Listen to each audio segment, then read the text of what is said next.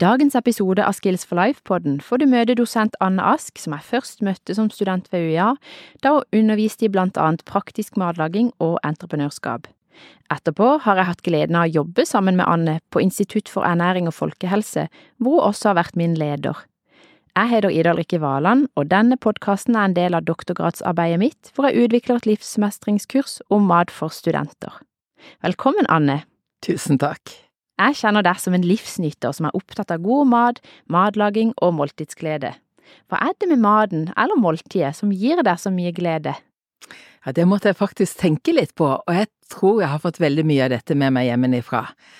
Jeg vokste opp i en prestegård, og der var det mye mat og mye mennesker til stede hele tida. Vi hadde besøk av predikanter og biskoper og helt vanlige folk som trengte noen å snakke med, og da ble det alltid servert mat. Og etter hvert så gledet vi oss barna alltid mer og mer til denne kaffestunden etter middagen. Til middag var alle slitne og sultne, men etterpå var det alltid en kaffestund med noe søtt til. Det kunne være en bolle eller en bit sjokolade, vaffel, det var aldri mye, men lite grann. Og da var tida inne til å få de gode stundene sammen. Hvis det var noe jeg ville spørre min far om som jeg visste det var vanskelig å si, å få et ja på, så ventet jeg til han var begynt på andre kaffekoppen. Da gikk det ofte bra. ja. Um, jeg kjenner meg litt igjen, altså. Jeg har også vokst opp i et hjem hvor det med mat har vært veldig viktig, og måltid har vært noe sosialt. Så det var alltid forventa at en møtte til måltidene, og at en, eh, en, spiste det som var da, og koste seg sammen med maten. Og måltidene var også, også ofte lange, mm. noe som, som jeg har satt veldig pris på, da. Men kjenner du til det begrepet som heter mindful eating? Jeg har vært borti det, jeg kan ikke mye om dette, men jeg har skjønt at det handler om å være til stede når du spiser. At du ikke sluker maten foran TV, men at du bruker tid på å smake på den, ta små biter og smake. Og jeg husker en gang vi hadde et eksempel på dette, vi fikk utdelt én rosin, mm. og så skulle vi se hvor lenge vi kunne ha den i munnen. Og smaken av den rosinen, det var noe helt annet enn når du bare spiser masse på en gang og svelger ned. Mm. Ja. Er det det det handler om? Ja, ja, det er det jeg har fått inntrykk av sjøl. Jeg er heller ikke noen ekspert på det, men jeg har lest litt, og eh, for min del så eh, Altså, jeg vet ikke om det er sånn kjempebasert på forskning, men eh, jeg tror man har sett noen Det er i hvert fall ikke sånn konkluderende at eh, mindful eating er veldig helsebringende, men jeg tror nok at det kan ha noe for seg, i hvert fall som motsetning til det der med den der eh, fast food-kulturen, eller at en bare sitter og liksom ubevisst trykker ting i seg foran TV-en, eller at en Ja, det er mange som kanskje Jeg kan jo òg gjøre det noen ganger, at jeg bare spiser fordi det sto foran meg, eller ja, og så har jeg kanskje ikke tenkt gjennom hva jeg egentlig sulten nå, liksom. For det er jo sånn, hvis du har, i hvert fall jeg er jo glad i sjokolade og, og søtsaker, og hvis det står en bolle foran meg på bordet, så kan det jo være vanskelig å, å ikke ta. Eh, men jeg tror at, eh, at, hvis det er det her med mindful eating, ja, så kan man ta en bit da, og så spise litt og smake og faktisk kjenne og nyte, da. Og da får en jo på en måte en smaksopplevelse som også jeg tror det er bra for kroppen å, å, reflektere litt, eller være litt rolig og litt sånn i nuet. Det med mindfulness i seg sjøl, om det handler om spising eller på andre måter å være til stede, jeg tror jeg kanskje kan ha en sånn litt sånn stressreduserende effekt. Det tror jeg du har rett i. Mm. Mm.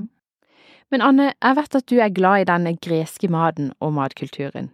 Og hva er det egentlig som kjennetegner denne, og hvilke aspekter tenker du at vi kan ta med oss i en norsk setting? Mm. Ja, jeg er kjempeglad i Hellas på alle måter. Fra jeg var på interrail som ungdom, så har det vært mitt favorittland. Og etter hvert så er jeg blitt veldig glad i den greske måten å spise på, og lagt merke til at de har måltider på en annen måte enn det vi har i Norge for tida. Eh, der eh, samler de venner og familie, ofte sent på kvelden, små barn, og de deler maten. De kjøper inn masse forskjellig og har det midt på bordet, og så bruker de ofte et par timer på å spise. Mm. De snakker sammen, deler sorger og gleder, det hender at de synger og danser. Eh, og det er sånn måltidsglede. Når jeg har hatt kurs i Hellas, jeg har jo arrangert noen middelhavskurs, og da har det ofte folk spist veldig fort, og så er de mette. Mm. Eh, Jeg har lagt merke til at grekerne ofte bruker gaffelen bare. Så spiser de, da spiser du mye saktere hvis du bare spiser med en gaffel. Ja, istedenfor å ha med kniven også. Mm. Ja, det er sant. Det går Ja. seinere. Kniven bruker de til å dele opp maten sånn at det blir en bit til alle sammen. Ja. Eh, Ja, du sa du har eh, lagd middelhavskurs, og det er jo kurs i middelhavsmat, Ja, ikke sant? Ja, Jeg har vært eh, så heldig å få være med på et av Ja. disse kursene. Det var jo helt fantastisk. Ja. Er det mese det heter? Det at de har ja, småretter Ja. og deler? Ja, det er det. Ja. Og det er ikke sånn at du skal ha en forrett, en hovedrett og en dessert, sånn som vi ofte har i Norge. Men der kan det bare være små retter, det kan være noen hovedretter de deler, og, og så fikk jeg en aha-opplevelse. Jeg har en veldig god venninne der nede som heter Dafne, og hun fortalte at når barna hennes var små, så kom de hjem fra skolen for å spise lunsj. Og da delte hun maten sin i to, så, for de kom hjem til forskjellig tid. Så spiste hun halve porsjonen med dattera, og halve med sønnen, for ingen skulle spise alene. Åh, så flott. Ja, det gjorde litt inntrykk på meg, for jeg er Ja. ikke sikker på at jeg hadde tenkt på samme måte. Her er det mer sånn at kommer de til forskjellig tid, så kan de varme lunsjen sin, eller middag da, vi har jo ikke lunsj hjemme, i mikroen. Mm. Ja, Så tenker vi ikke på at de må ha noen å spise med. ikke sant. Åh, jeg syns òg det er litt kjedelig å, å spise alene, altså. Og jeg må bare si at på Kreta så har de et ordtak jeg synes er veldig fint. Der sier de at ved et godt bord, sammen med mennesker vi holder av, stjeler vi en dag fra døden. Og det tror jeg faktisk på. Mm. Veldig flott sagt. Mm. Eh, Men hva, hva kan vi ta med oss i en norsk setting av det her med, dette her med den måltids... eh, Ja, den måltidsgleden de har der nede. Kan vi bare eh, lage mange småretter og dekke et bord i Norge også, tror du?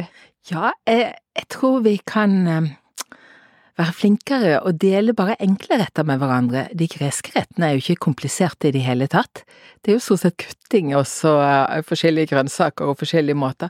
Vi kan eh, i større grad også invitere folk hjem til oss og spise sammen, bare et vanlig kveldsmat, en kopp te og en brødskive og noe pålegg. Det trenger ikke være så vanskelig, eller en suppe. Mm. Må ikke gjøre det for komplisert, tror jeg. Det tror jeg er veldig godt du sier, for Ja. det, det er mange studenter som kanskje bor alene, eller bor i et kollektiv og har litt lite plass. Og jeg tror i noen kollektiv så er det kanskje vanlig at de lager mat sammen, men jeg har også hørt om kollektiv hvor alle bare sitter og spiser for seg sjøl på rommet. Eh, og i hvert fall om enten du skal la, prøve da å lage et felles måltid med de du bor sammen med, eller andre venner da fra studiet, eller, eh, eller andre du kjenner, så, så tror jeg det der, for det, i hvert fall for min egen del, så kan det bli litt sånn terskel, for jeg tenker å, det må være så fancy hvis jeg skal invitere noen, men, men som du sier, det er jo, det kan bare være helt vanlig mat som man uansett skulle spist sjøl, men det å dele det med noen andre, så blir jo, så får måltiden helt eh, ny dimensjon, ikke bare maten og næringsstoffene. Men jeg tror også vi må eh, si at det er ikke sånn at du må ha noen å spise med, for det hender at du må spise alene, faktisk. Ja. Og det er lov det òg, men da kan du gjøre det koselig, dekke et koselig bord, og du trenger ikke å spise foran TV-en. Mm. Du kan hygge deg for deg selv også. Og jeg Mm. husker en gang jeg var alene og syntes det var litt kjedelig, jeg skulle spise frokost. Da ringte jeg ei venninne på iPad, og så spiste vi frokost sammen. Mm. Med skjermen imellom oss, men det var noe annet enn foran TV-en. Da Mm. hadde jeg et menneske jeg delte Vi viste hverandre hva vi spiste, og vi snakka sammen. Mm. Mm. Det hørtes veldig hyggelig ut. Men Anne, noen studenter deler kjøkken med mange og opplever at andre ikke rydder etter seg. Eller for eksempel at det kan være andre grunner da, til at det er dårlig stemning i, i kollektivet hvis en ikke går godt overens eller det er noen konflikter. Og da blir det kanskje lettere å bare spise polarbrød for seg selv inne på rommet, for å slippe å benytte seg av de rodete kjøkkenfasilitetene, eller for å slippe å treffe på de andre. Men hva tenker, du, tenker du når du hører det? Jeg tenker det må være en stor utfordring. Jeg hadde aldri klart å bo sammen med Dele kjøkken med noen som var, ikke hadde samme standard som meg. Det var rotete og fælt. Og så tenker jeg samtidig at jeg hadde jo ikke gitt meg med en gang. Jeg pleier å prøve å finne en løsning på sånne ting. Så jeg tror, hadde det vært meg, så tror jeg hadde prøvd å finne ett menneske til som irriterte seg over det, og så at vi hadde gjort en skikkelig dugnad og invitert alle på en pizza eller noe mat etterpå, Mm. og snakket om er de fornøyd med å ha det sånn som det var, eller syns de dette var bedre, og hva kan vi gjøre for å få opp standarden? Mm. Kan vi lage noen regler, kanskje vi kan ha hver vår hylle i kjøleskapet, kanskje det kan gå på omgang å rydde og vaske kjøkkenet, en dag i uka, eller en felles dugnad en gang i måneden. Mm. Og jeg tror jo òg hvis du klarer å bygge relasjoner til de du bor sammen med, så vil du de vel, og så vil du gjøre, strekke deg litt lenger for at det skal bli hyggelig der. Mm. Ja. Men det er ikke så lett når du ikke kjenner noen, men du må liksom tørre å ta det første skrittet når ingen andre gjør det. ja. Og du kan jo bare få nei, det er det verste som kan skje, så. Ja, jeg er helt enig, og jeg tenker å bo, i hvert fall for min del også, det hadde jo ikke vært noe hyggelig å bo under sånne omstendigheter. Da kan en heller prøve å ja, ta et lite tak, da, og så og prøve å få, få det til å bli litt bedre. Jeg bodde i et kollektiv med jeg tror det var seks eller syv andre da jeg tok masterstudiene mine i Bergen, og da, eh, da var det litt sånn utskiftning etter uh, ulike semestre, da. Jeg bodde der i to år. Um, og noen var bare på utveksling, for eksempel. Jeg bodde et halvt år. Så det var litt av hvert. Noen var veldig flinke til å rydde, og noen var ikke så flinke til å rydde. Um, men uh, det var ganske god stemning likevel, fordi at noen bidro litt mer enn andre, og jeg syns ikke det var så vanskelig å bare ta ut søpla en gang ekstra. Uh, men vi hadde av og til sånne fellesmåltider, og det var superhyggelig, altså. Mm. Uh, så det håper jeg at andre har lyst til å gjøre i sine kollektiv. Mm. Og det du sa i stad med at av og til så må en spise alene, og de som bor alene eller liker å være alene, det er jo selvfølgelig helt fint det, og man kan kose seg med maten og nyte maten for det om en er alene. Men jeg håper at også en kan av og til ha noen felles, felles måltidsopplevelser. Mm. Du nevnte et, en liten ja, et lite eksempel som du gjorde da du var student, stemmer ikke det i stad, før podkasten begynte? Eh, ja, skal vi se, hva var det jeg nevnte da? Ja, det, du hadde en venninne som du da spiste sammen annenhver uke ja, hos Ja, det stemmer. Når jeg var student, så hadde jeg god venninne, og jeg inviterte henne på middag en dag, og hun inviterte meg på middag. Og det er jo ikke mer arbeid å lage middag til to, og så slipper du å lage middag den andre dagen. Mm. Og det var jo Vi var jo fattige studenter den gangen, ikke jobba vi ved siden av heller, så det var jo mye grøt, pannekaker, pasta. Ja.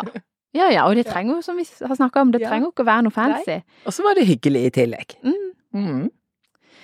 Um, men åssen uh, tror du man kan få til mat og måltidsglede som fersk student, som kanskje er i en ny og ukjent by? Ja, nå har vi allerede snakka litt om det, å tørre å ta et initiativ og invitere noen hjem, og legge terskelen veldig lavt. Det går an å kjøpe med seg suppe fra kantina, det går an å gjøre det veldig enkelt. Kanskje du kan spise i kantina også. Hadde, vi hadde noen studenter i år som ville utvikle en app for at studenter som har lyst til å spise sammen med noen, klarte å treffe hverandre. Nå var dette vanskeligere og dyrere enn de trodde, så de fikk det ikke helt til, men det er jo en idé å, å etter en forelesning bare spørre er det noen som skal i kantina, har dere lyst til å spise sammen med meg? Mm. Du kan bare få et nei. Ja. ja. ja. Hvorfor ikke? Ja, hvorfor ikke? Mm. Mm. Altså, hvilke råd vil du gi da til ferske studenter som nettopp har flytta hjemmefra og skal ta ansvar for gode måltider sjøl? Ja, altså, jeg vil jo eh, foreslå at de eh, begynner å lage litt mat av gode råvarer. At de eh, spiser i sesong. Det er ofte råvarene best, og de er billigst. Eh, de der 50% på ting som går ut på dato, de har jeg selv ofte kjøpt, og jeg har fått prøvd ut en del ting jeg ellers ikke hadde kjøpt til full pris. Spennende. Og nå går det jo an å google og finne ut hva en kan bruke de til. Det samme med Too Good To Go. Det er òg en veldig god app. Mm.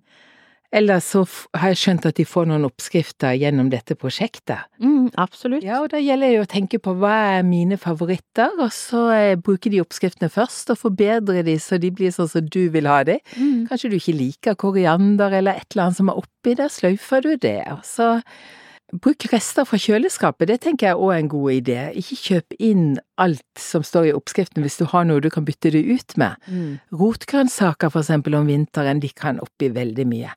For egen del så putter jeg oppi rester når det gjelder ja, paier og pizza og omeletter, Mm. pastaretter.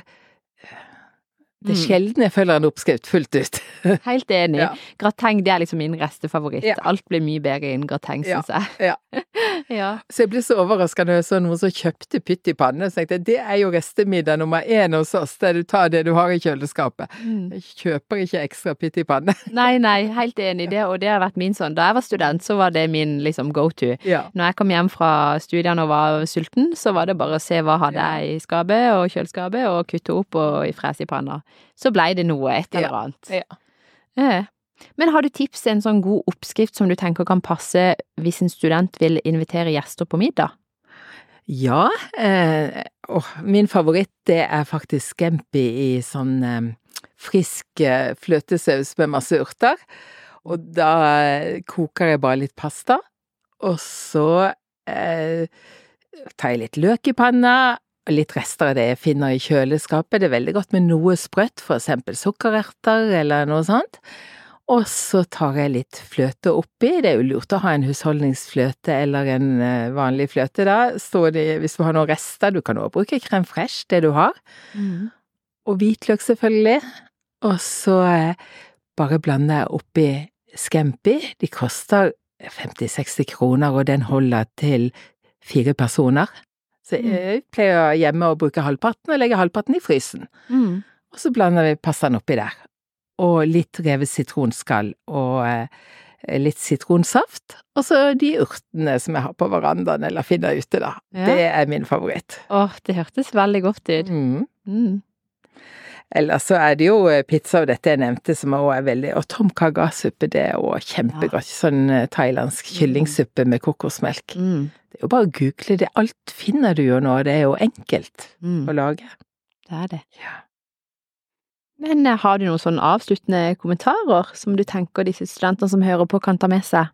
Ja, jeg håper jo at de eh, opplever denne matgleden og måltidsgleden som jeg synes er så viktig. Jeg tror studentlivet også blir enda bedre, og det er jo dyrt å gå ut og spise, så hvorfor ikke invitere noen hjem? Mm. Eh, Kongen vår sa i en nyttårstale nylig, ta fram de fineste kaffekoppene og inviter naboene hjem til deg, og det synes jeg egentlig var en god oppfordring. Mm. Det- ja. Helt enig. Det kan bli et fint siste ord i dag. Ja. Tusen takk for at du ville komme. Mm, takk.